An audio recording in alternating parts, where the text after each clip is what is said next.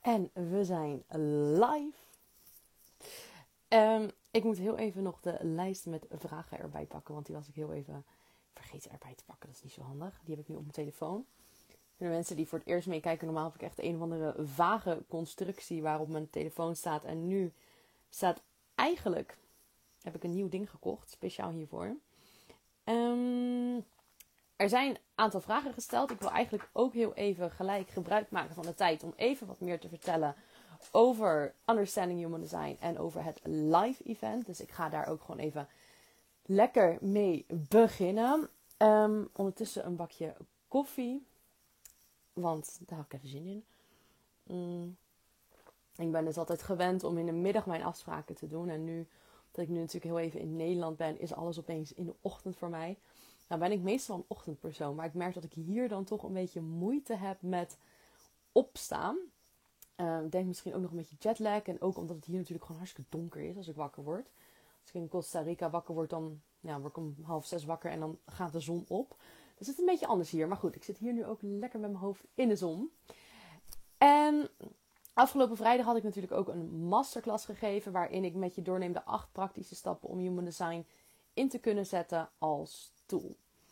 Waarom heb ik daarvoor gekozen? Omdat ik echt zie dat Human Design een mega, mega, mega waardevolle tool is. En heel veel mensen die voelen inderdaad zelf ook wel van wauw, dat Human Design dat is echt, ja, dat, daar zit gewoon heel veel waarheid in. Daar vind ik heel veel rust in, heel veel vertrouwen, heel veel verbinding ook weer met mezelf. En die hebben dan misschien zelf ook een reading gehad, of die hebben zelf wat gelezen en die denken dan wauw, dit is fantastisch en dit moet eigenlijk iedereen weten. Tegelijkertijd is Human Design natuurlijk ook best wel een heel erg complex systeem. En het heeft heel veel lagen en het heeft heel veel diepgang. En ik geloof wel erin dat we het ons soms te ingewikkeld kunnen maken. Dat we te veel aan het uitzoeken zijn, dat we te veel willen leren, dat we te veel willen weten. Dat we ook te veel aan het vergelijken zijn met iedereen online die ja, heel diep erop ingaat. En ik ben er op een gegeven moment naar gaan kijken van het is een tool. En ja, je kan heel diep gaan en je kan er mega veel mee. En dat is ook heel erg interessant. Maar als je gaat kijken naar de gemiddeld persoon, dan is eigenlijk de basisinformatie is al meer dan voldoende. Zonder dan de informatie volledig plat te staan. Wat ik ook in de masterclass heb gedaan, dat was maar heel kort over alle dingen wat verteld. Ja, je wilt natuurlijk wel iets meer erop ingaan en je wilt ook iets meer kijken naar alle verschillende nuances. Maar het hoeft allemaal niet zo heel erg ingewikkeld. En ik vind het dan zonde eigenlijk dat het zo bizar ingewikkeld gemaakt wordt. Omdat ik denk dat dat mensen afschrikt om er ook echt daadwerkelijk mee aan de slag te gaan. Denk ik, ja, weet je, als we het allemaal zo ingewikkeld blijven maken. Dan zijn er zo weinig mensen die inderdaad zeggen: hé, hey, ik ga dit integreren als tool. Want die kijken er daarnaar en die denken: ja, ik snap er geen fuck van, dus ik ga het ook niet doen. En dat vind ik zonde. En daarom dacht ik: weet je, ik ga een masterclass geven. Waarin je dus ontdekt van: hé, hey, wat zijn nou die acht stappen? Waarin ik inderdaad liet zien van hè, het mag best wel simpel, het mag best wel makkelijk, het hoeft allemaal niet zo ingewikkeld. Tuurlijk, je wilt wel kennis hebben, je wilt wel ervaring hebben. Hè? Je wilt niet denken van oh, ik weet generator wachten en reageren. Nou, ik ga dat gelijk integreren in mijn werkwijze. Want dat, er zitten natuurlijk wat meer lagen onder en wat meer diepgang onder. Dat is iets wat je in die masterclass niet per se meekrijgt. En ook in de online informatie ook niet per se. Maar het mag wel simpeler. Even een slokje koffie. Mm.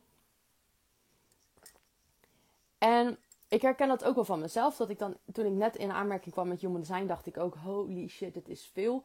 En ik ben ook echt wel 2,5 jaar heel veel over, erover gaan studeren. En nu merk ik inderdaad van: oh ja, nu belichaam ik het, nu snap ik het. En tuurlijk leef ik ook echt niet 100% iedere dag volgens mijn strategie en autoriteit. Ik denk dat we daar allemaal in leren, in groeien, in experimenteren ook. En ik sta mezelf ook regelmatig toe om gewoon even niet volgens mijn design te leven ook om weer even te kijken van hé, hey, wat doet het inderdaad ook alweer als ik inderdaad wel volgens mijn design leef? En wat doet het als ik niet volgens mijn design leef? Maar je blijft er altijd lerende in. En ik ben heel even mijn train of thought kwijt, maar dat gebeurt wel vaker. En masterclass, da, wordt ingewikkeld gemaakt.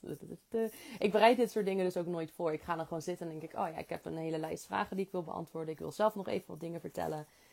En um, ja, ik, ik denk dus dat het steeds belangrijker wordt om inderdaad wel aan de slag te gaan met human design. En dat zeg ik dan, hè, maar dat, dat vind ik, dus dat is mijn mening. En dan moet je bij jezelf inchecken van oké, wat zij vindt, vind ik dat ook. Voelt dat ook als mijn waarheid of klopt dat niet voor mij? Ik denk dat het heel makkelijk is om online, als je dan mensen iets ziet zeggen, om dat als jouw waarheid aan te nemen. ik vind dat iedereen aan de slag moet met human design. Dat vind ik, dat is mijn mening, dat is in mijn wereld, in mijn perspectief, is dat mijn waarheid. Maar dat hoeft niet jouw waarheid te zijn. En ik denk dat dat ook het mooie is aan human design. Het leert je echt van oké, er is heel veel ruis, er zijn heel veel prikkels, er wordt heel veel geroepen en geschreeuwd en gepretendeerd. Maar wat klopt voor mij? Wat is mijn waarheid? En dat vind ik mooi aan human design, is dat het je echt terugbrengt naar jou, naar jezelf. En het geeft je dus ook echt de regie weer over je eigen leven. Van, er wordt superveel geroepen, maar wat is dan mijn waarheid? Ik merkte zelf gisteren ook een mooi voorbeeld. Ik kreeg een e-mail waarin dan stond: alles wordt duur her. En merk je ook dat minder mensen investeren in je programma's en dat mensen ja, voorzichtiger zijn met investeren. En ik heb een open hoofdcenter, dus ik dacht ook gelijk: fuck ja, uh, mensen zijn bang voor recessie en crisis en ja, die ja, die ja. En ik zat ermee in mijn hoofd en dacht ik: ho, wacht even. ik ben nu hun waarheid en hun marketing eigenlijk ook eigen aan het maken. En ik ben dat nu aan het geloven. En het voelt voor mij helemaal niet fijn om dat te geloven. Dus dan kan ik er ook voor kiezen van oké, ik kan ook een andere waarheid kiezen. Ik kan ook een andere gedachte kiezen. Helemaal hè, met een open hoofdcenter. Heel belangrijk om te kijken van oké, wat neem ik aan als mijn waarheid? Wat geloof ik? Welke overtuiging heb ik? Waar maak ik me ook druk om in mijn hoofd? En zijn dat ook mijn zorgen? En toen dacht ik inderdaad, oh shit, weet je, ik mag het echt gaan shiften. Want ja, dat zij dat zeggen, dan hoeft dat niet te betekenen dat dat mijn waarheid is. Dat ben ik trouwens. Dat is de, de mini-Nikki. Ehm, en dat is dus het mooie aan Human Design, dat het echt weer terugbrengt naar, nou, wat is nou, hè, wie ben ik nou, wat is nou belangrijk voor mij, wat is nou mijn waarheid. En als je dat dan ook kan gaan inzetten voor de ander, om ook de ander daarin te begeleiden, om niet meer zozeer van, hè, ik als coach of ik als therapeut of psycholoog, ik weet het beter, ik heb jouw waarheid in handen dat gebeurt zo, is natuurlijk sowieso niet de bedoeling van coaching. Maar ik merkte zelf ook toen ik nog coachte, het is gewoon heel lastig om je echt um, te verplaatsen in de ander. En dan heb ik ook nog een gedefinieerd identiteitscenter, dus kan ook daardoor komen natuurlijk.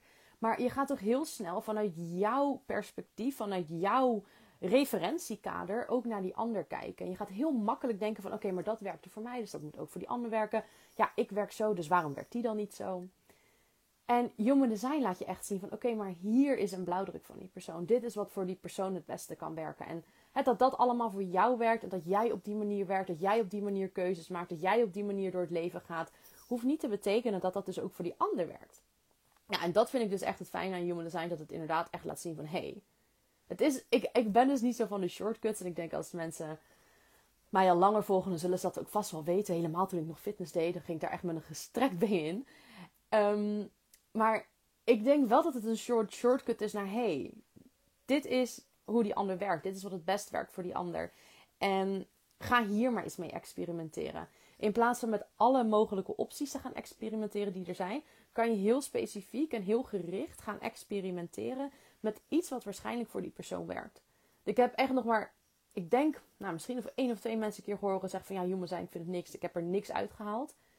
En dan denk ik ook, ja, is dat dan inderdaad door human design? Of komt dat omdat je nog zo geconditioneerd bent dat je eigenlijk daar nog werk te doen hebt? Dus ik, ik ben er echt heilig van overtuigd dat als je dit kan gaan inzetten als tool, dat alles gewoon makkelijk gaat. Het wordt, hè, ook in je coaching, het wordt gewoon efficiënter. Het wordt ja, sneller, laten we het even zo zeggen. Je gaat gewoon makkelijker tot de kern van de problemen komen. Ik denk dat we allemaal wel eens als coach hebben of als dienstverlener van, oh, hoe dan? Hè? Waarom werkt het niet? Wat, waar is nou die handleiding van die persoon? Het lijkt me zo makkelijk om een handleiding van deze persoon te hebben. Want ik snap er gewoon even helemaal niks van. En dan heb je dus Human Design die zegt van nou weet je, hier alsjeblieft, hier heb je een handleiding. Ga daar eens mee experimenteren. Neem het niet direct aan als waarheid. Daarom ben ik ook altijd een beetje voorzichtig met het woord handleiding of gebruiksaanwijzing. Want dat wordt weer heel snel aangenomen als waarheid. Denk ik, nee, het is een, een, een manual. Een manual? Ja, maar goed, whatever. Waar je mee mag gaan experimenteren. Waarvan je mag zeggen van, hé, hey, laat ik dit eens proberen. Um, ah, lekker die zon in mijn gezicht zo. Alsof ik weer terug ben in Costa Rica. En nou ja, goed. Die training was dus acht stappen. Waarvan ik al zei van hè, eigenlijk die vier stappen. Daarin, daar kan je eigenlijk al heel erg veel mee. Waar je dan een beetje voor wilt oppassen. Is dat je dan, wat ik aan het begin ook al zei van hè. Oké, je weet wat een generator is, je weet wachten en reageren, maar dat betekent nog niet dat je alles weet. Dus er moet natuurlijk wel soms iets meer, er mag iets meer diepgang in, er mag iets meer nuances in aangebracht worden. want een generator met een ander profiel werkt bijvoorbeeld weer heel erg anders, of een generator met bepaalde open centers of gedefinieerde centers. Dus dat hele totaalplaatje, daar wil je wel naar gaan kijken. Ik zei aan het begin van Human Design ook altijd van het is echt een complete wokmaaltijd. En het is geen tapasbuffet van hier, ik pik dat daarmee, ik pik dat daarmee. Je wilt het wel echt gaan zien als één heel groot geheel. En dat is vaak ook wat lastig is. Vaak begrijpen we alle losse elementjes wel. Van, oh ja, wacht, te reageren, wacht op de uitnodiging. Maar dan in het grotere geheel, dat wordt vaak lastig. Om het echt een complete puzzel te maken. Om echt al die puzzelstukjes samen te voegen tot een verhaal. Maar goed, die eerste vier stappen, daar kan je dus eigenlijk al het meeste mee. Als je nou deze replay luistert of nu er live bij bent of nou ja, whatever als podcast. En je denkt, huh, ik heb die masterclass gemist. Nou, je kan hem gewoon nog kijken. Volgens mij is, um, ik zal hem even in de show notes ook hier zetten. En je kan mij even een bericht sturen als je denkt, hé, hey, ik heb dat gemist. Mm, ja, dus en ik merk ook dat ik in mijn. Ik ben ook in mijn marketing best wel geswitcht. Ik ben nu echt me vooral ook aan het focussen op mensen die zeggen: Nou, weet je, ik wil human design inzetten als tool. Ik wil er echt serieus mee aan de slag voor mijn klanten. Maar tegelijkertijd, aan het begin was ik ook heel erg gefocust op de persoon die zegt: van nou, ik wil het niet per se voor mijn klanten gebruiken, maar ik wil het voor mijn familie, voor mijn gezin, voor mijn kinderen, voor wie dan ook gaan gebruiken. Dus het programma is ook heel erg tweeledig. Het is niet zo dat je alleen maar welkom bent als je eh, coach bent of zo. Dat absoluut niet. Ik denk namelijk dat het voor iedereen belangrijk is. Maar goed, hè, marketingtechnisch vind ik het toch makkelijker om inderdaad te zeggen: hé, hey, ik focus me vooral op uh, coaches. Maar ook als je dit nu luistert en denkt: ja, maar ik wil het gewoon voor mezelf. Of hè, ook voor mijn kinderen, whatever. Ja, ook voor dat soort dingen is het gewoon mega, mega waardevol. Dat even wat over die masterclass en even een rant over. Ik kreeg gisteren van een van mijn teamleden die zei: Nick, we moeten nog even wat meer het als tool gaan benadrukken. Nou, daar kreeg ik wel een ja op, dus ik denk, nou, ik ga daar eens even mee beginnen. En um, ja, ik denk ook wel, en ik denk wel dat, je, wat, dat human design ook steeds belangrijker gaat worden. Want als je gaat kijken, als je iets meer verdiept in human design, hebben ze het ook vaak over het jaar 2027. Dat we nu eigenlijk als collectief naar een switch aan het toebewegen zijn, waarin we nu vooral eigenlijk gefocust waren op alle systemen creëren die er nu zijn. Om de wereld, hoe die nu is, om die eigenlijk op te bouwen. En je gaat eigenlijk merken dat na 2027 toe vallen heel veel systemen weg. En worden we eigenlijk weer teruggedwongen naar onszelf, terug naar het individu. En wordt het steeds belangrijker ook om je strategie en autoriteit te gaan volgen. En dat maakt ook dat je nu eigenlijk ziet dat human design echt wel in een sneltreinvaart steeds populairder aan het worden is, steeds bekender aan het worden is omdat het ook heel erg belangrijk is als je gaat kijken naar die shift die gaande is. Omdat het steeds belangrijker wordt dat je niet meer extern op zoek bent naar bevestiging. Niet meer extern op zoek bent naar antwoorden. Maar dat je echt op jezelf gaat leren vertrouwen. En echt zelf die regie durft te nemen. En daarom denk ik ook dat, dat je ziet dat het nu steeds populairder wordt, steeds bekender wordt. Steeds meer mensen willen er wat mee. Steeds meer mensen gaan ermee aan de slag. En dan krijg ik ook wel eens de vraag van ja, maar ben ik dan niet te laat? Het lijkt wel alsof iedereen er wat mee doet. Nou ja, vraag de gemiddeld persoon nu op straat. Hè, ga even 20 minuten rondlopen op straat. Spreek 20 mensen aan. En waarschijnlijk één of twee mensen hebben er misschien een beetje van gehoord. En de andere mensen denken: waar de fuck heb je het over? Human design? Ga je dan uh, mensen ontwikkelen of zo? Wat... Dus heel veel mensen weten er nog niet van. Ik denk ook altijd van: hè, we zitten altijd in zo'n bubbel op social media. waarin het lijkt alsof iedereen er dan wat mee doet. Maar dat valt echt wel mee. Er zijn heel veel mensen die er nog helemaal niks mee doen. En juist nu is het een mooie tijd om ermee bezig, te mee, bezig te gaan, omdat het nu juist zoveel populairder wordt. Dus ik denk dat er geen betere tijd is dan nu om in te stappen. Ja, over een jaar is het alweer veel meer gegroeid. Dan zal je nog meer mensen zien die ermee bezig zijn. Dus als jij nu inderdaad voelt van hé, hey, ik wil er iets mee, maar ja, ik laat me tegenhouden door die overtuiging van ja, iedereen doet er wat mee. Ja, dat is complete bullshit. En ook daarbij weer terug naar strategie en autoriteit. Wat zeg je autoriteit? Want die gedachte van iedereen doet er iets mee, komt ook nog heel erg vanuit je mind. Dus ja, food for thought. Allemaal dingen om over na te denken. Mm. Eens even kijken. Um, ja, dus in die masterclass had ik het dus ook over mijn signature programma. Understanding Human Design. Dat is echt mijn, ja, mensen noemen het een opleiding. Ik ben het ook maar een beetje zo gaan noemen. Ik ben altijd een beetje voorzichtig met het woord opleiding. Ik heb namelijk niet zoveel met opleidingen. Maar goed, geef het beestje een naampje. Understanding Human Design, waarin je dus inderdaad op een simpele, praktische en ook begrijpbare manier eigenlijk alles leert wat je nodig hebt om het vol vertrouwen in te kunnen zetten als tool. Ik denk als je ja, het een beetje op je eigen tempo doet, dat je makkelijk binnen 4, 5 maanden alle stof gedaan kan hebben. Als het niet sneller is, ligt een beetje aan jouw manier van werken. En ik had ook mensen die zeiden na 4, 5 modules, die zeiden, nou, ik ben het eigenlijk al aan het inzetten. Ik geef al readings, ik doe al heel veel dingen ermee. Dus dat. En dan heb ik ook nog mijn live event, dat organiseer ik samen met Hiske. Volgende week zaterdag 28 januari van 10 tot 5. En dat wordt echt een dag waarin we heel praktisch aan de slag gaan met ons design. Dus het wordt minder informatie zenden, maar meer ook: oké, ik heb al die informatie. Hoe ga ik dat nou doen? Hoe ga ik dat nou leven? Wat kan ik daar nou echt mee? Want het is allemaal nog een beetje vaag. Want vaak, hè, dat zie je ook heel vaak in human design, dat mensen het allemaal wel begrijpen. Hè, begrijpen zit nog heel erg op mindniveau. Maar het dan vervolgens ook echt leven, dat blijft vaak een uitdaging. Want hoe voelt eigenlijk je autoriteit? Hoe voel je dat? Hoe herken je dat? Wat betekent een open center nou echt? Um, ja, ik merk ook nu weer dat ik dan in Nederland ben, dat ik me nog bewuster word van mijn open hoofdcenten. Dat ik echt soms denk, wauw, ik maak me allemaal druk om dingen waar ik me nooit druk om maak. En nu opeens maak ik me er allemaal druk om. Dus dat zijn allemaal van die dingen die gaan we veel meer ervaren op dat uh, event. Dat event staat ook echt wel in het teken van ervaren, verbinden, inspiratie en lekker praktisch aan de slag. Um, nou, dat was even, nou, ik wilde zeggen een korte introductie, maar dat was best wel een lange introductie. Hè? Maar goed, um, je bent er nog steeds. Ik zie dat er nog steeds mensen live bij zijn. Dus uh, volgens mij heb je zin. Mm. Ik heb even mijn andere telefoon. Ik heb dus een nieuwe iPhone en ik ben er zo blij mee. Het is echt niet normaal. Ik dacht, weet je, ik moet goede content maken. Nee, moet, ik wil. En vooral in Costa Rica mooie foto's kunnen maken. Dus ik dacht, ik ga een nieuwe iPhone kopen nu ik toch in Nederland ben. Mm. Eens even kijken. Uh, beetje andere achtergrond. Hè? Ik moet er echt nog een beetje aan wennen om mezelf nu in zo'n setting te zien. Mm, er zijn ook. Even kijken. Sommige mensen konden de live niet vinden. Ik heb de link gepost onder de reactie. Misschien een link even mailen naar iedereen. Dank je wel. Ja, ik heb dus wel vaker dat mensen dat in, in Facebook niet helemaal kunnen vinden. Um, ik weet ook nooit zo goed. Kan ik daar dan een link van mailen van tevoren? Dat zou ik eens uit moeten zoeken. Ik hoop dat het goed komt. Maar dankjewel Marit dat je de uh, hoe heet het link gepost hebt. Um...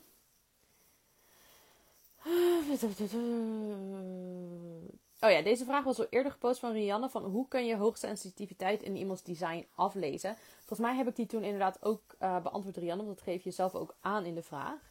Maar ik heb ooit ook een keer gelezen bij iemand dat hoogsensitiviteit misschien ook wel een trauma is. Van, hè, um, dat daar iets onder zit.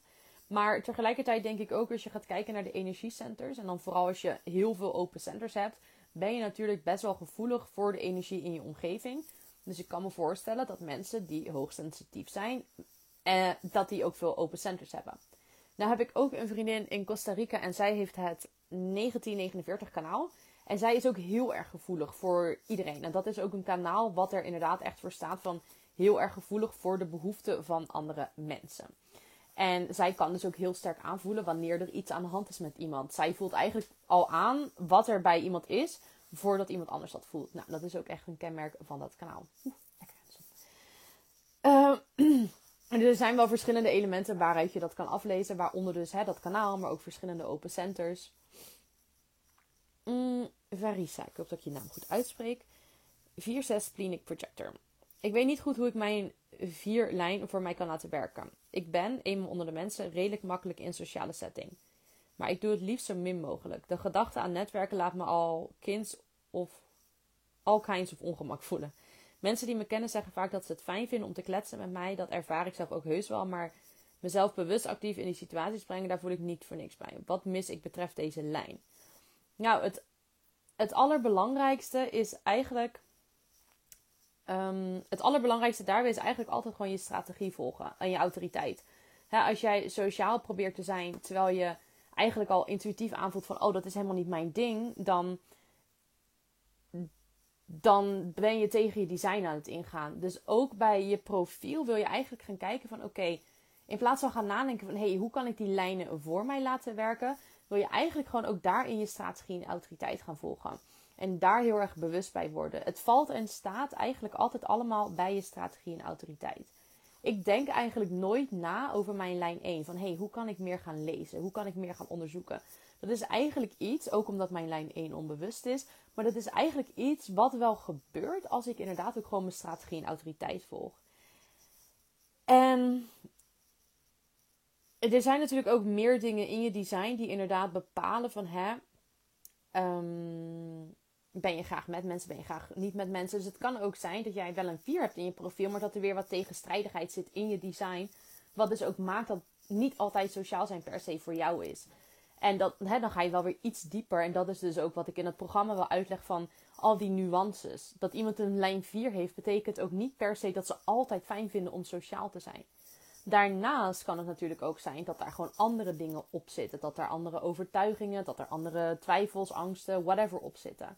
Dus dat is ook interessant om voor jezelf uit te zoeken van hè, wat maakt dan dat je ongemakkelijk wordt van netwerken? Is dat inderdaad, hè, komt dat misschien ook ergens vandaan? Is dat iets wat je van vroeger mee hebt gemaakt? Zit daar iets overheen? Dus dat zijn van die dingen, die kan je, daar kan je jezelf als het ware een beetje ja, die vragen stellen.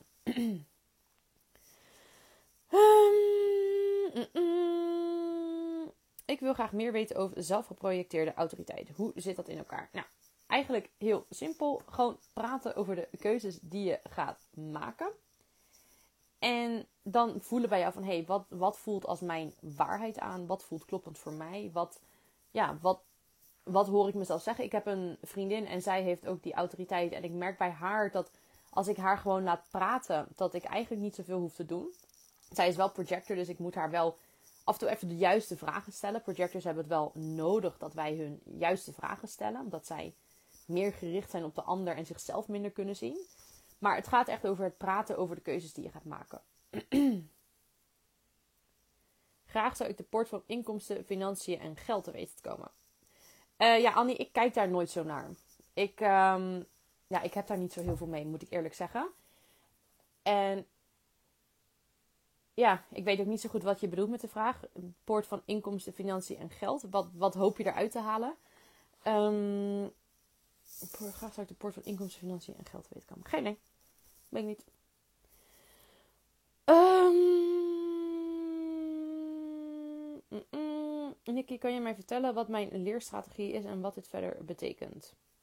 Het lijkt wat tegen draads. Bovenste rode pijltje links staat net de andere kant op als aan de zwarte kant naar rechts. Onderste pijl rood wijst naar rechts en onderste zwarte pijl wijst naar links.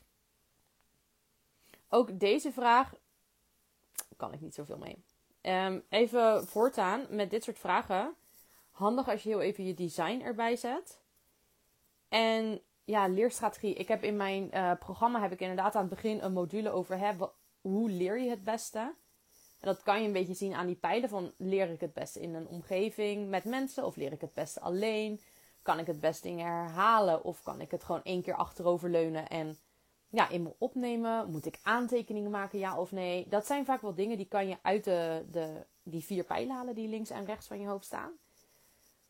Ook je profiel natuurlijk. Hè? Als je bijvoorbeeld een lijn 1 zoals ik heb, ik, ik moet veel leren, ik moet veel lezen. Ik merk ook als ik bijvoorbeeld dingen wil belichamen, dan moet ik het eerst begrijpen. Dus ik kan niet iets belichamen wat ik niet begrijp. Dus dan ga ik alles lezen.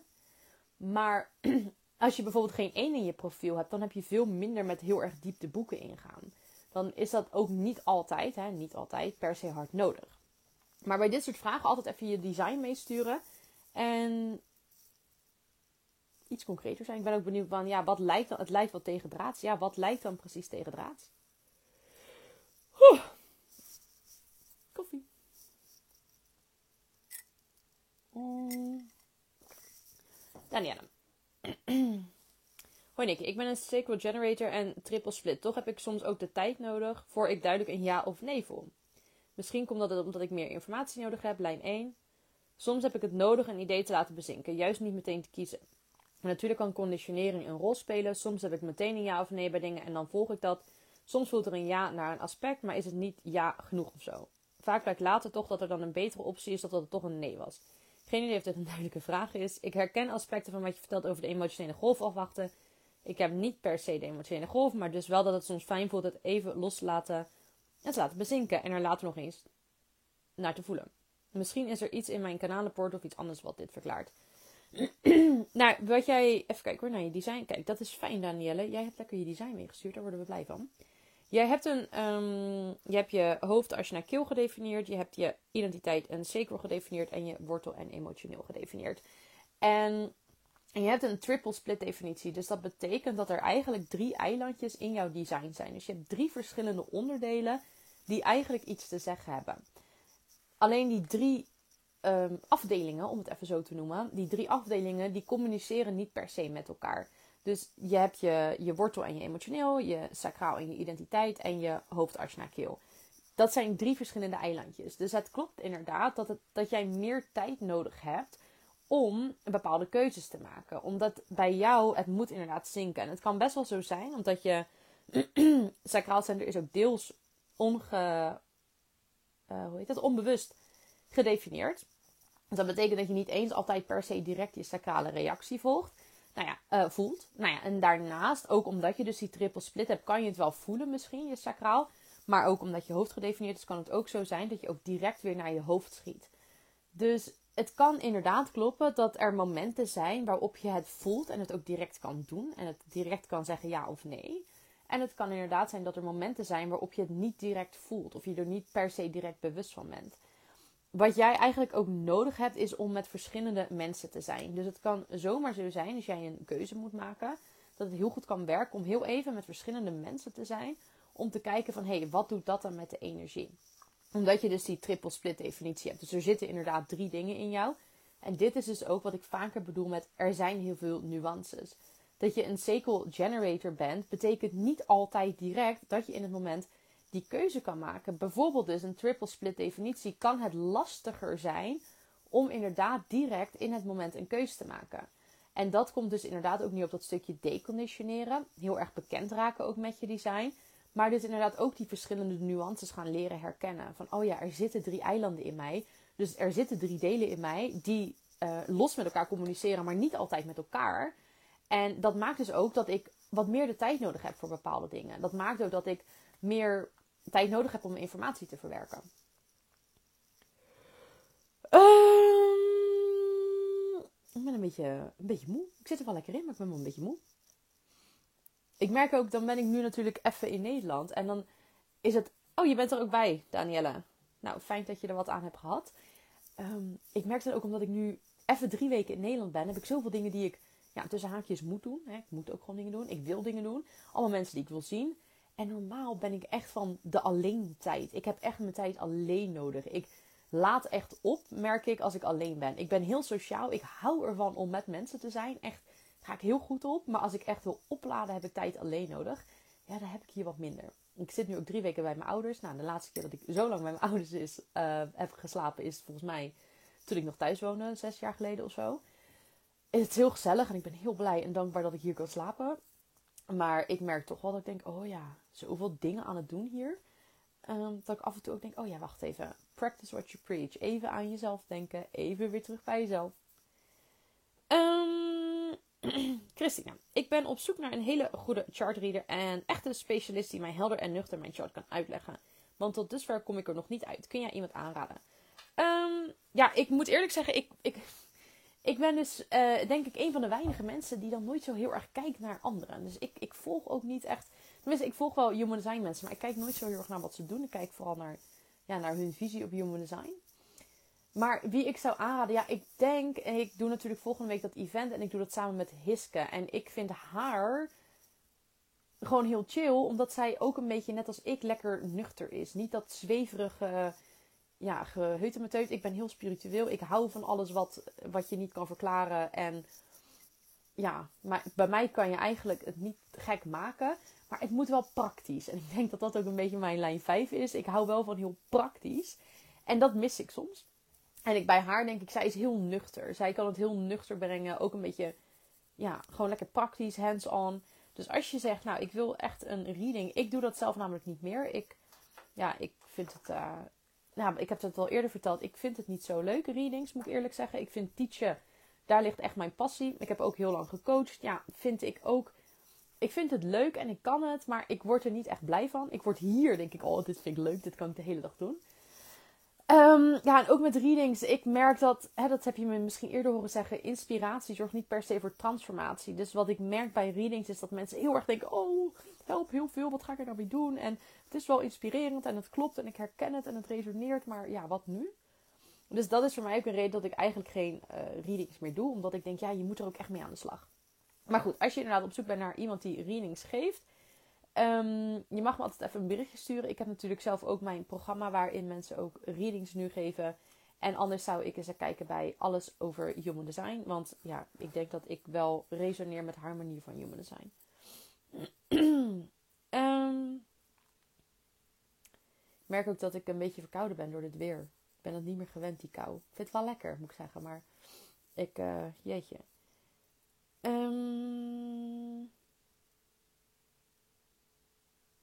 Heineken, al veel opgestoken van jouw masterclass, dank je. Ik ben een 5-2 reflector en ging bij jou uitleggen aan op de pijlen. Die bij mij drie van de vier naar rechts wijzen. Kun je daar wat meer over zeggen?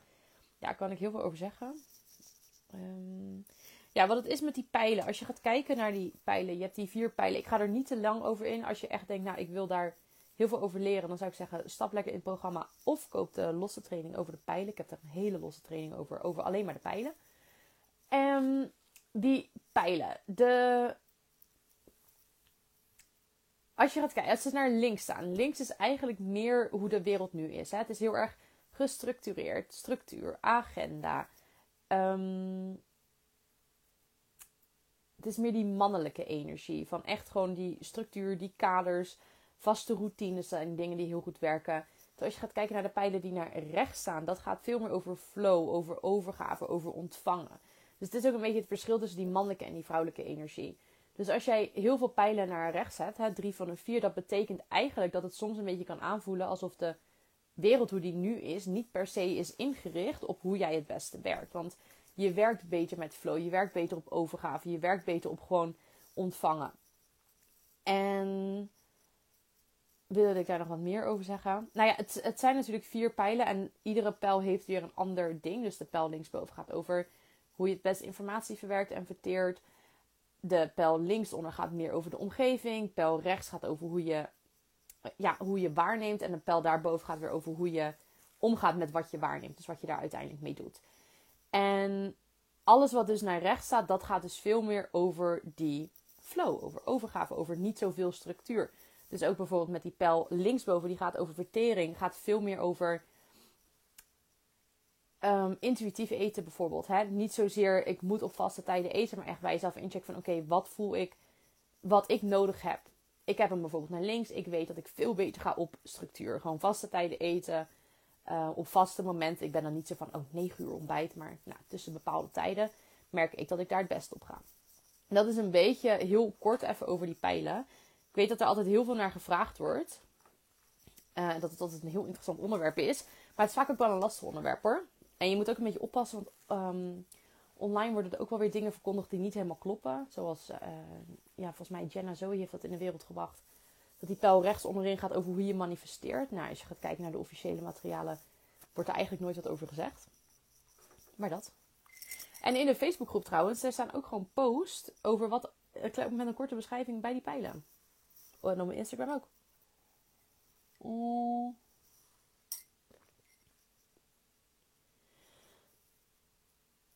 hey, deze vraag. Oh, die staat er gewoon dubbel in. Ik denk, die heb ik toch al beantwoord. Ben ik nou gek aan het worden?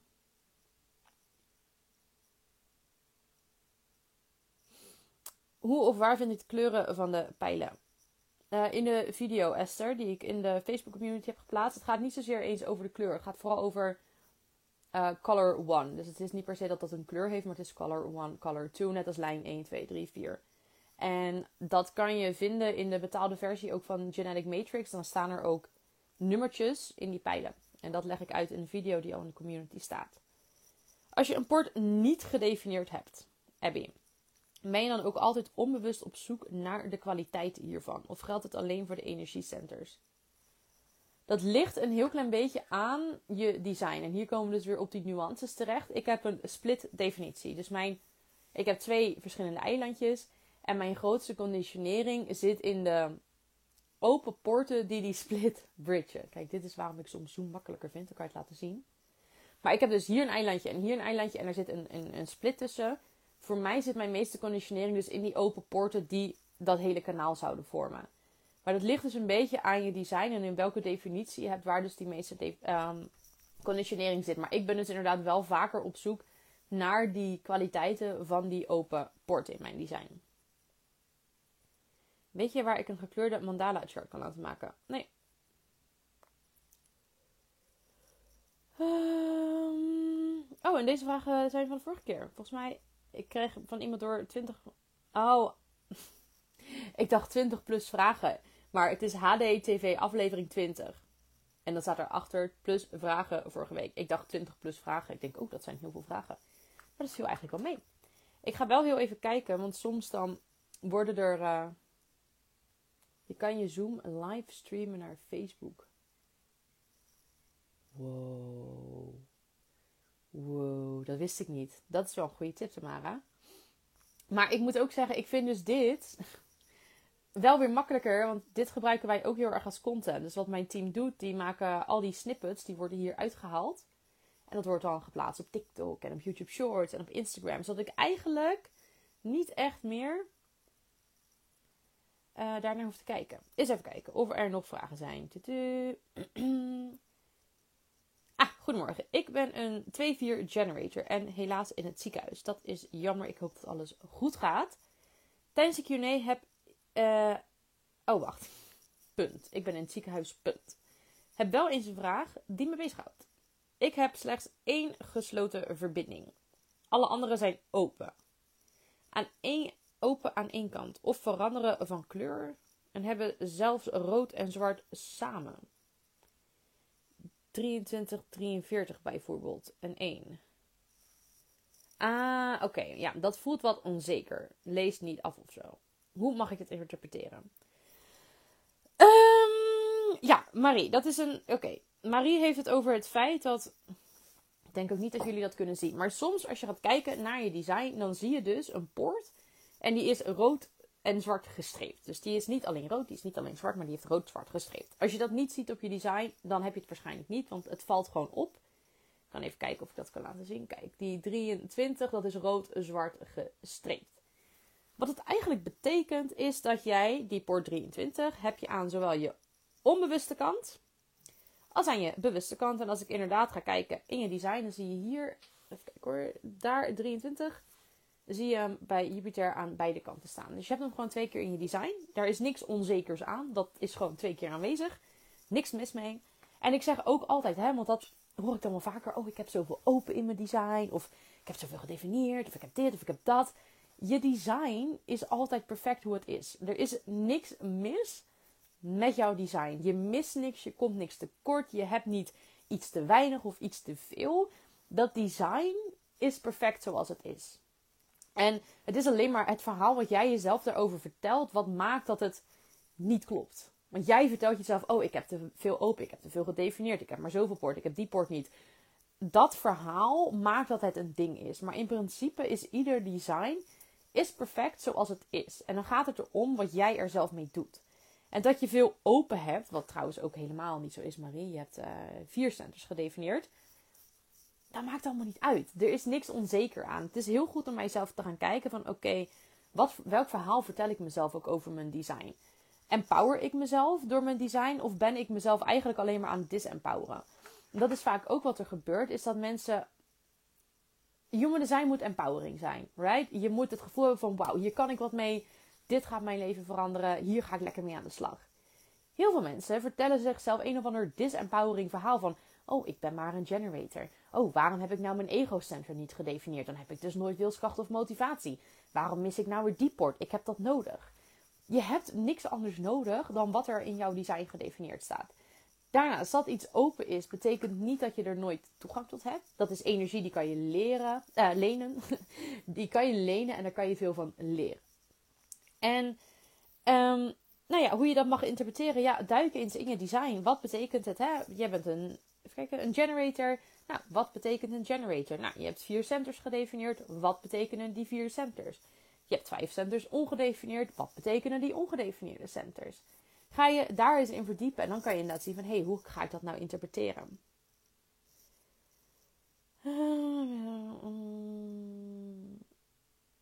ja, niet, lees niet af of zo. Nou, je bent helemaal af voor Marie. Je bent helemaal af. Je bent helemaal klaar. Je bent helemaal gemaakt. Daar is niks mis met je. Linda. En ik zie Linda ook al hier volgens mij online. Ik had onder de post voor, dezelfde, voor deze keer ook nog een vraag gesteld over strategie en autoriteiten. Nee, klopt Linda, want die uh, ga ik nu doen. Ik blijf een beetje struggelen met de combi strategie en autoriteit van een manifesting generator of generator met emotionele autoriteit. Vanuit hun strategie moeten ze wachten met reageren op die onderbuikrespons. Ja, nee of weet het niet. Ze kunnen beter alleen niet in het moment een beslissing nemen. Wanneer volgen zij dan hun strategie? Dus wel in het moment als er iets op hun pad komt vanuit hun strategie een respons krijgen dat je al een ja of nee of misschien voelt. En dan toch hun golf afwachten en tussentijds meerdere keren inchecken op hun onderbuik wat de respons steeds is. Of volgens die strategie als ze die golf afwachten of beide. En hoe werkt het dan voor hen bij bijvoorbeeld kleine alledaagse keuzes, bijvoorbeeld met betrekking wat eten of ga je mee wandelen of iets dergelijks. Daarin kan je toch niet je golf afwachten? Kun je een paar praktische voorbeelden noemen van kleine en grote beslissingen hoe die strategie en autoriteit voor hen samenwerkt? Um, ja. Even kijken, sowieso. Even de, terug naar die basis. Hè? Je hebt je, je onderwijkgevoel. Dus ik heb ook een emotionele autoriteit. Dus dit is wel mijn, mijn thuiswedstrijd, om het zo maar even te noemen. Um, kijk, ik, ik, wat ik van, even vanuit mijn ervaring, wat ik heel erg bij mezelf heb gemerkt, is dat als ik in het moment een keuze maak. Dus stel je voor, uh, iemand vraagt nu aan mij, Nick, ga je mee wandelen? En ik zeg direct ja, kan het zomaar zo zijn dat ik buiten loop en denk, ja, er eigenlijk helemaal niet zo heel veel zin in. Terwijl, als iemand dat aan mij vraagt, dan, dan kan ik ook gewoon zeggen van, hey, dat klinkt als een goed idee. Geef me heel even vijf minuten. Ik ga, ik, ik ga er heel even, ja, het normale wat we dan vaak zeggen is, ik ga er even over nadenken. Eigenlijk wat je dan moet zeggen, ja, ik ga, dat klinkt als een goed idee. Laat me hem heel even doorvoelen. En dan, je creëert eigenlijk als het ware een, een, een stukje ruimte tussen jou en je keuze. Dus in plaats van hier, bam, ja, is het, oké, ehm, even deze ruimte. Om heel even inderdaad in te tunen op die keuze. Want wat er gebeurt als iemand aan mij vraagt: wil je gaan wandelen? Dat triggert eigenlijk direct een emotie. Iedere keuze die je maakt, het roept ook voor de emotionals een bepaalde emotie op. Hè? Enthousiasme, blijheid, oeh ja, leuk, ah, oh, nee. Uh. Hè, die emotie, daar wil je eigenlijk heel even een klein stukje afstand van nemen. Van oké, wacht. Ik heb nu een keuze die ik gemaakt krijg. Dat roept een bepaalde emotie op. Laat ik heel even op de pauzeknop drukken. En heel even afstand nemen. Heel even inchecken bij mezelf. Wil ik dit inderdaad echt? Is het inderdaad echt wat ik voel dat klopt? Oh, ik ben ondertussen mijn huis aan het afbreken. En dit is sowieso ook experimenteren. Want ik moet ook zeggen, toen ik net begon met human design en hoorde van onderwijkgevoel, emotionele golf, dacht ik ook, ja, wat de fuck? Ik moet in het moment keuze maken, maar ik moet toch ook weer niet in het moment keuze maken. Ik moet mijn onderwijkgevoel volgen, maar ik moet toch ook weer mijn emoties afwachten. Dus ik snap de verwarring, maar je wilt eigenlijk gewoon die ruimte creëren tussen de keuze. Wat ik dus bijvoorbeeld ook merk, mijn sacraal is ook onbewust gedefinieerd. Dus ik merk ook dat ik 9 van de 10 keer soms niet eens door heb dat ik daar iets voel. Maar ik kan bijvoorbeeld wel ergens van denken, oeh, ja, en bij grote keuzes neem ik daar ook gewoon even de tijd voor. En soms bewust dat ik daar de tijd voor neem. Soms is het ook gewoon onbewust dat ik later denk: oh ja, dat kwam toen eigenlijk al op mijn pad. Ja, toen voelde ik eigenlijk al wel iets, maar ik heb toen niet gelijk de keuze gemaakt. En nu voel ik eigenlijk ja. Dit is echt ook bij jezelf gaan experimenteren van oké, maar hoe werkt dat dan? Dit is niet iets wat je kan begrijpen. Dit moet je echt voelen, dit moet je ervaren, dit moet je doorleven, dit moet je meemaken, dit moet je herhalen daar moet gewoon wat meer mee gedaan worden. En heb ik nog meer concrete voorbeelden?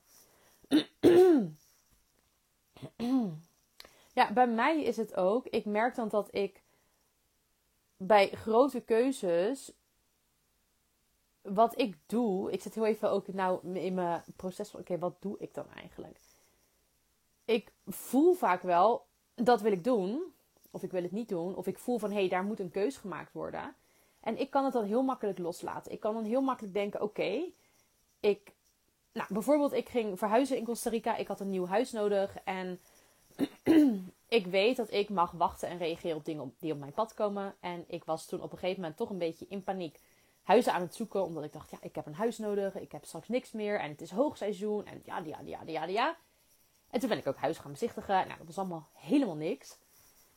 En op een gegeven moment vroeg een vriendin van mij, die appte mij met... hey, we kunnen dit huis krijgen. Wil je dat? En ik voelde eigenlijk, hoe? Maar goed, mijn hoofd had heel erg in, in zichzelf. Mijn hoofd, mijn hoofd, wat had mijn hoofd? Hoe zeg ik dit in het Nederlands? Mijn hoofd die vond daar wat van. Die had zoiets van ja, maar ik wil niet. ehm, ik wil niet samenwonen, ik wil alleen wonen. Dat huis is niet helemaal precies wat ik normaal zou willen. Ja, ja, ja. Maar ik voelde wel een ja. En dan weet ik ook van oké, ik ben een emotionele autoriteit. Dus ik zei ook tegen haar van nou, weet je, klinkt goed. Maar ik wil er even over slapen. Ik wil even wachten met die keuze. Ik wil ook even zelf het huis zien. Om ook even eens te kijken van hé, hey, hoe voelt het als ik in die keuze ben? dus soms kan het ook goed zijn om juist heel even te kijken van hé, hey, Ehm, met dat soort keuzes kan ik het eens uitproberen, kan ik het eens uittesten. Hoe voelt het dan? Om even je, ja, je teen als het ware in het water te dompelen. En toen ik daar was, toen voelde ik wel van, oh ja, dit wil ik wel. Maar toen was ik me ook bewust van, oh, maar ik ben nu heel enthousiast. Ik ben nu heel blij. Ik ben nu heel erg, oeh, ja, perfect huis, dicht bij het strand, goedkoop, ja, ja, ja. En dan weet ik ook van, oké, wacht even. Ik kan nu in het moment ja zeggen. En ik kan nu tegen hem zeggen, ja, geef me het contract, maar ik teken het. Maar dan maak ik dus in die emotie die keuze. Dus toen zei ik ook van, nou weet je, ik vind het heel mooi. Ik vind het echt prachtig. Ik denk dat het een... Hè, ik heb er een goed gevoel bij. Ik denk dat ik het wel wil. Maar ik wil er gewoon nog heel even een nachtje of twee nachtjes over slapen. En dat heb ik gedaan. En op een gegeven moment...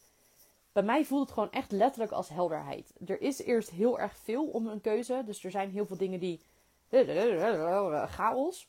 En opeens is er gewoon helderheid. Er is gewoon een, een innerlijk weten van dit is de juiste keuze. Ik had dat bijvoorbeeld ook met toen ik net in Costa Rica kwam, zat ik echt in zo'n golf van: wil ik hier blijven? Wil ik hier weg? Wil ik terug naar Europa? Wil ik hier blijven? Wil ik terug naar Europa?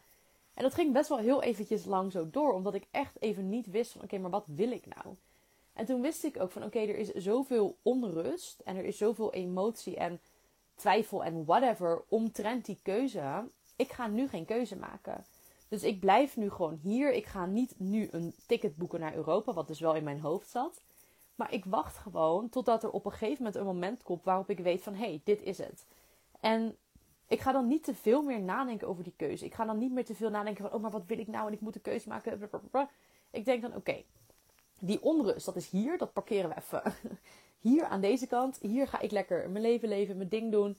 Af en toe check ik eens even bij mezelf in van hé, hey, hoe voelt het nu? Wat gebeurt er nu? Kijk ook even van hé, hey, waar reageer ik op? Reageer ik op op wat er op mijn pad komt? En op een gegeven moment was er gewoon een moment waarop ik voelde van, dit is het. Er was geen twijfel meer, er was geen onrust meer, er was geen bizarre emoties meer. Er was gewoon een gevoel van, oh ja, oké, ik blijf. Ja. En tuurlijk gaat daar dan vervolgens je hoofd eroverheen, want die vindt daar wat van. En het is spannend en het is eng en ja, ja, ja. Maar het gevoel daaronder, en dan moet je weer terugzakken naar je lichaam van oké, het gevoel daaronder was, het is oké zo. Dit is de keuze die ik ga maken. Dus dit ik weet niet of je hier wat aan hebt hoor Linda, maar dit is een beetje hoe ik het ervaar. En ik merk ook dat ik inderdaad, hoe meer ik ermee experimenteer, hoe makkelijker ik het herken, hoe, ja, hoe beter ik het ook herken.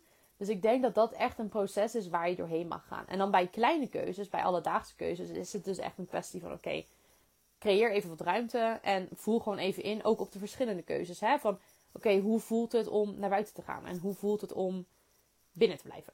En wat ik ook wel eens doe, is van die blaadjes neerleggen op de vloer. En dan ga ik er gewoon op staan. En dan op het ene blaadje staat uh, buiten blijven, of binnen blijven. En het andere blaadje staat binnen blijven. En dan ga ik daar gewoon eens op staan. En dan ga ik eens kijken van oké, hoe voelt het op die verschillende blaadjes? Hoe voelt die keuze? Waar voel ik me het best? Waar voel ik het me fijnst? Wat voelt kloppend? Ik hoor je zeggen dat je sacraal onbewust gedefinieerd is. Wat houdt het precies in? Nou, dat die onbewust gedefinieerd is. Dus een rode lijn. En um, ik, ik ben me dus niet altijd. Alles wat onbewust is, daar ben je je niet altijd bewust van. En ik merk dat heel erg met mijn sacraal, dat ik me niet altijd bewust ben waar mijn sacraal op reageert. Dus ik, soms vind ik het voor mezelf ook makkelijker om echt te kijken van oké, waar haal ik voldoening uit? Wat is de keuze waar ik het meest voldoening uit haal? Of waar word ik het meest, hè, waar krijg ik het meeste energie van? Waar word ik het meest blij van? Van welke keuze? Hmm. Ja, ik ben echt heel lang op deze vraag ingegaan. Waar is de live Q&A? Waar ben je? Ik kan hem nergens vinden. Ik kan het ook niet vinden. Ik zoek het op. Ah, Angelique van de Topper is dat ook. Hè? Die, die, die heeft dat er gewoon allemaal even door. En die heeft dat allemaal voor jullie geregeld. Um, ik weet ook nooit zo goed hoe dat dan werkt in... Um, Eens even kijken. Ehm, dat waren de vragen. nou, ik ben toch alweer, alweer 50 minuten aan het praten geweest. Het is ook wel leuk, want vanaf februari begint dus mijn membership. En dan is dit eigenlijk gewoon twee keer per maand. Maar dan niet alleen Q&A, ook masterclass. En dan ook wel iets praktischer. Lekker praktisch aan de slag met het design. Ik merk toch dat dat wel echt een ding is bij mensen. Dat is dus ook het voordeel als je nu instapt in Understanding Human Design. Krijg je er drie maanden lang gratis masterclass bij. Masterclass. Membership bij. Als je nu instapt bij Understanding Human Design. En ik denk dat dat echt een hele leuke bonus is omdat je dan inderdaad merkt van, oh ja, ik, hè, ik leer heel veel in, in dat programma. Mega diep gaan we erop in. Maar je moet het dan allemaal zelf doen. En het voordeel van het membership nu, van die bonus er drie maanden bij, is dat je dus ook al je vragen aan mij kan stellen. En dat we dus ook in die masterclasses vaak weer wat praktischer aan de slag gaan met het design. Dus ik denk dat alleen die bonus al is het al waard om eens te overwegen van... hey, wil ik misschien deze maand instappen? Want je krijgt gewoon mijn begeleiding er drie maanden lang bij. Ja, ken je, gezellig toch? Ah, oké, dan wordt het mij nu ook duidelijk waarom mijn onderbuik niet altijd meteen antwoord geeft. Ja, kan, dat kan inderdaad kloppen, Tamara. En het is natuurlijk ook goed om eens te kijken van, oké, ben ik überhaupt verbonden met mijn lichaam? Want het is ook heel makkelijk om inderdaad te zeggen, oh ja, het is onbewust gedefinieerd, dus ik voel het niet, dus klaar. Maar ook inderdaad gaan kijken van, oké, wat kan ik wel doen om daar dan wel wat bewuster van te worden? Wat heb ik nodig? Ben ik überhaupt verbonden met mijn lichaam? Dat gaat ook heel vaak mis bij mensen. Um, ik dacht dat ik de vraag gesteld had in de Facebookgroep. Maar, ah, sorry Marit, misschien heb ik hem al gehad of misschien heb ik hem gemist. Ik ben me net in het verdiepen in het HD en het moederschap speelt een groot vraagstuk in mijn leven. Is er iets in het HD waar ik mij nu het beste op kan focussen, zodat ik daar wel of niet moederschap meer inzicht over krijg? Wat ze eigenlijk zeggen bij, hè, ook bij moederschap, het eigenlijk het allerbelangrijkste is dat jij volgens je design leeft. Is dat jij het echt belichaamt. Is dat jij inderdaad echt zegt van oké, ik ga leven volgens mijn design. En ik ben op die manier ook het voorbeeld voor mijn kind. Want uiteindelijk, jij hebt natuurlijk invloed op jouw kind. Hè, met ook alles wat er in jouw design zit. Dus je wilt inderdaad echt gaan kijken van oké, wat kan ik doen om mij te deconditioneren? Wat kan ik doen om meer in mijn design te gaan leven? Wat kan ik doen? En je daar echt op focussen, want uiteindelijk gaat dat er ook voor zorgen dat dat je juist gaat helpen in het moederschap. Dus echt zelf het deconditioneringsproces aangaan, zelf je eigen persoonlijke ontwikkelingsproces aangaan. Dat is echt hetgene wat je daarin het meest gaat helpen. En tegelijkertijd is het natuurlijk uiteindelijk ook interessant om te kijken van, hè, als je dan moeder bent, ja, hoe kan je dan ook jouw kind het beste helpen met het belichamen van het design? Want ze zeggen ook binnen Human Design van, eigenlijk is Human Design hier voor de nieuwe generatie, voor de nieuwe kinderen. Want wij als hè, wat oudere mensen, die zijn eigenlijk al heel erg geconditioneerd. Dus dat proces om te deconditioneren duurt gewoon langer. Ben je langer mee bezig? Ja, ja, ja. Maar kinderen, die komen natuurlijk helemaal puur en zuiver ook de wereld in. Dus die kunnen ook gewoon direct volgens hun design leven. En jij als moeder hebt dus ook invloed op dat design van je kind. Dus het gaat erom van, oké, hoe kan jij jezelf het meest deconditioneren? En hoe kan jij vervolgens ook je kind leren om niet te luisteren te veel naar wat de samenleving zegt, maar om echt te luisteren naar, oké, wat zegt je design? Ik hoop dat je daar wat aan hebt, Marit.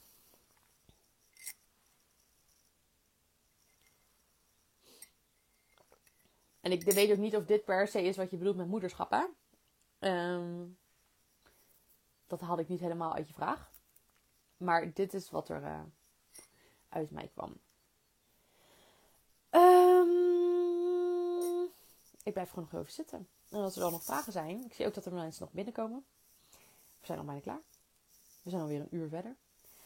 Ja, je, even, het is vooral een vraagstuk voor mezelf. Wel of niet moeder worden. Ah, ja. Ehm, kijk, dat is dus de kunst inderdaad van goede vragen. Um, is er iets in... Nee, kijk, en dat is denk ik dus uiteindelijk inderdaad... Ja, bij jezelf. Hè, dat, dat antwoord, wel of niet moeder worden...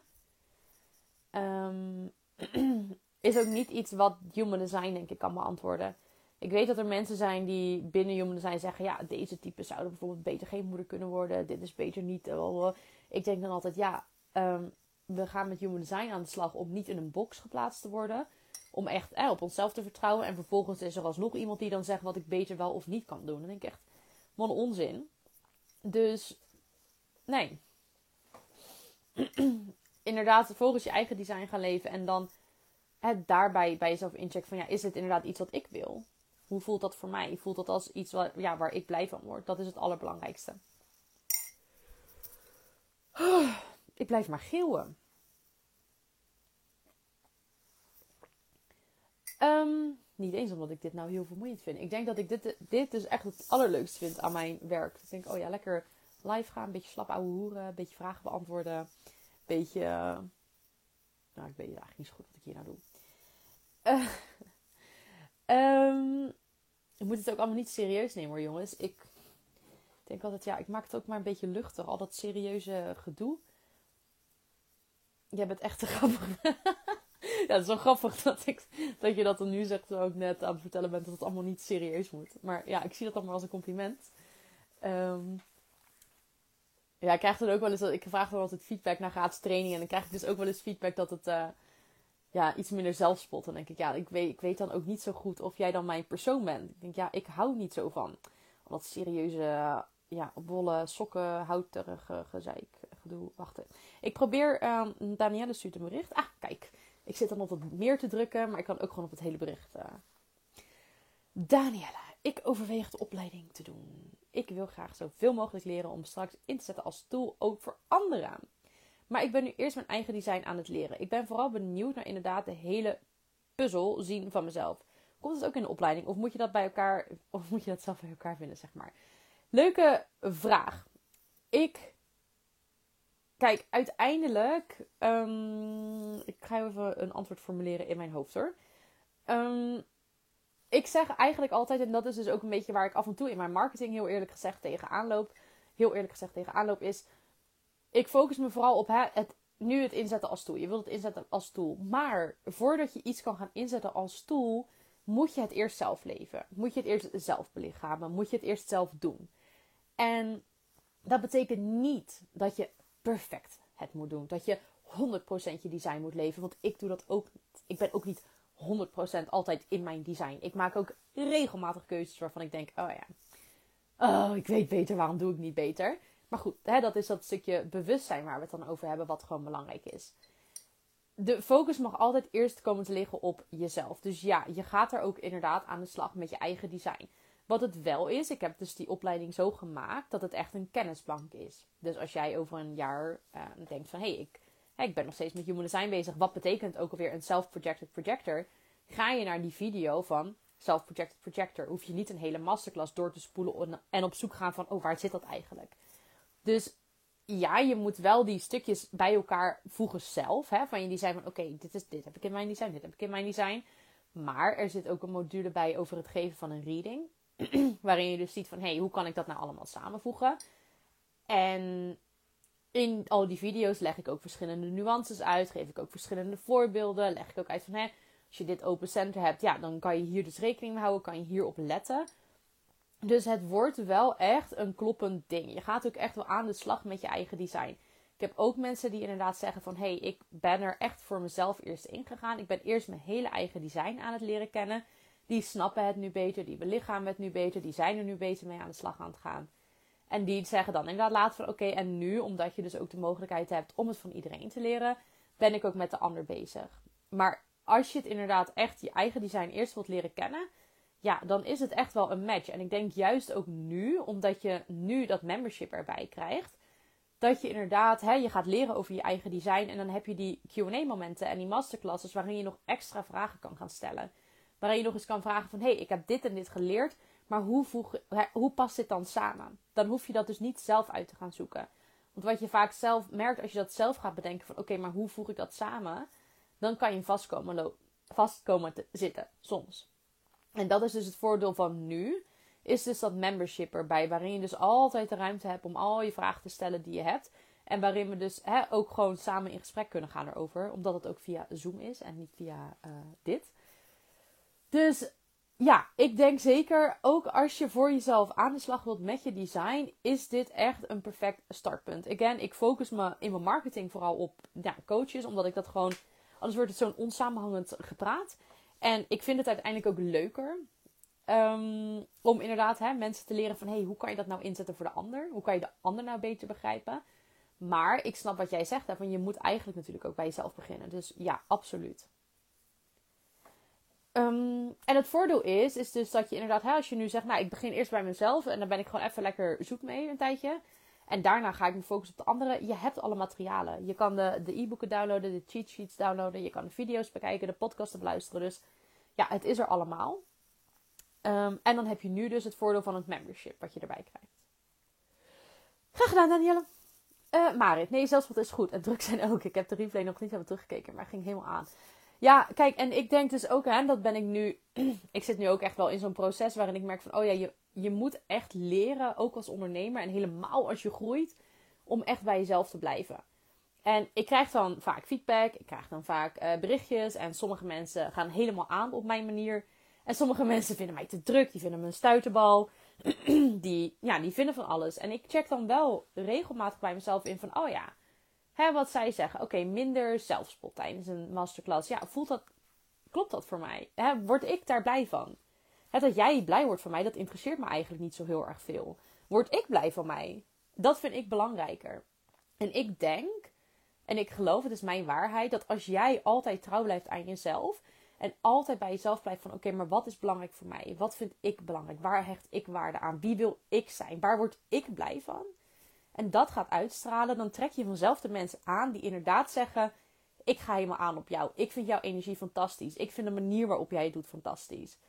Ik weiger om mezelf aan te gaan passen naar het beeld van iemand anders, wat iemand anders heeft van mij. Ik weiger om mezelf aan te passen naar bepaalde verwachtingen die mensen hebben van mij. Want wat iemand vindt van mij, vind ik niet zo belangrijk. Ik heb daar niet zoveel mee. En dat betekent niet dat ik niet luister naar feedback en dat ik niet opensta naar feedback. Want ik stuur altijd een feedbackformulier en ik neem daar regelmatig dingen uit mee. En volgende training, vorige training kreeg ik ook de feedback van ja, het was een beetje rommelig met de vragen tussendoor beantwoorden. Ik vond het heel leuk, maar ik merkte zelf inderdaad ook van oh ja, klopt inderdaad, is heel erg rommelig. Gaan we aanpassen. Um, snel praten. Ik praat echt al langzamer. Ja, je kan, je kan het je waarschijnlijk niet voorstellen. Maar dat is iets waar ik inderdaad wel probeer bewust van te zijn. Van, oh ja, af en toe wat langzamer praten.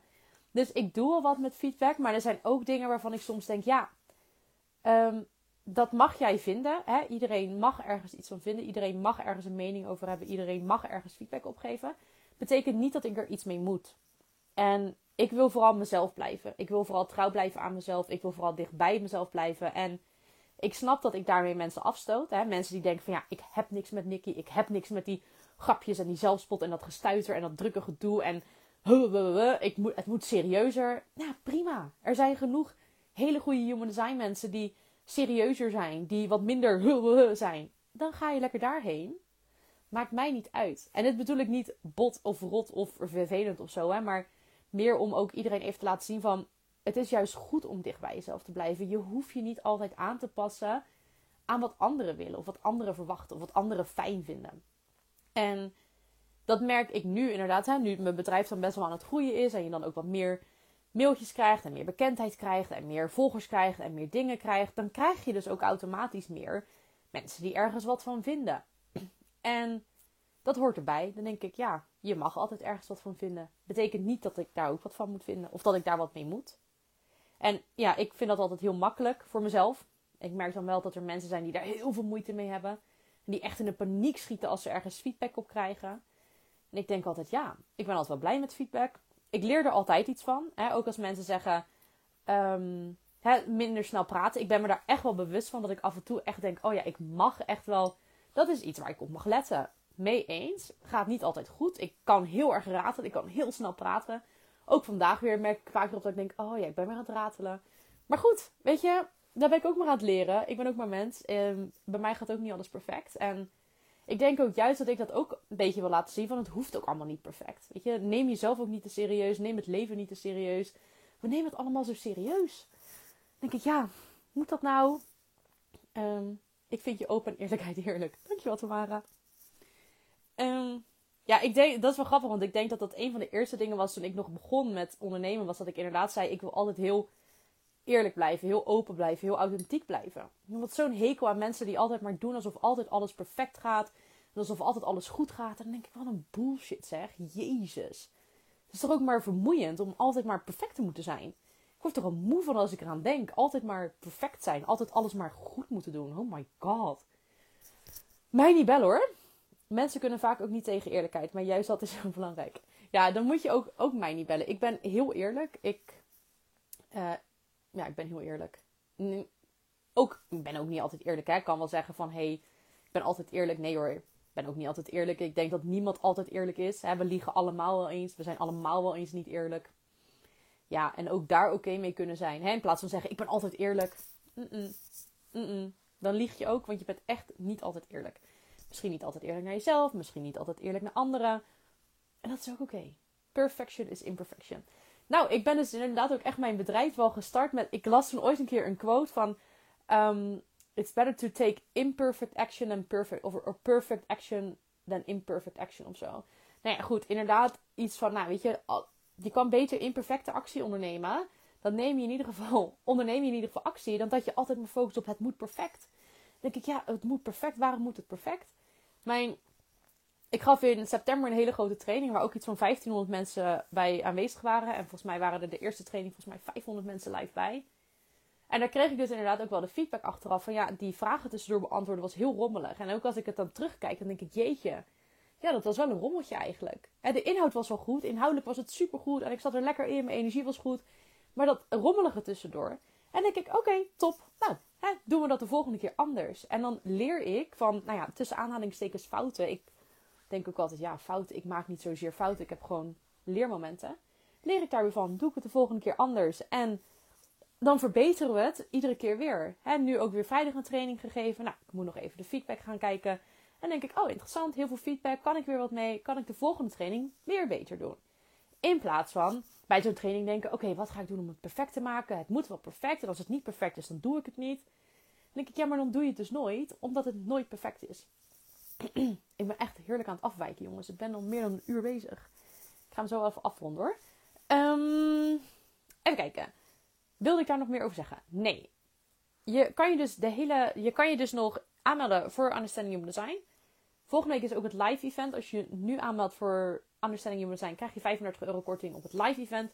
Dus heb je een hele verzorgde dag, inclusief lunch, fotograaf, videograaf, gezelligheid, human design, mensen, gelijkgestemde, mijn stuiterbal energie. Ik weet niet of je daar blij van wordt voor mijn 50 euro. Dus als je daarbij wilt zijn en je zegt, nou, ik wil ook in Understanding Human Design stappen, let me know. Ook als je vragen hebt, als je twijfels hebt. Ik ben niet echt iemand die mensen gaat overhalen. Ik denk altijd, ja, weet je, als je niet wil instappen, doe het lekker niet. En als je twijfelt en je wilt gewoon heel even wat vragen stellen, je twijfels kwijt, je angsten kwijt, want hè, investeren in jezelf is ook spannend.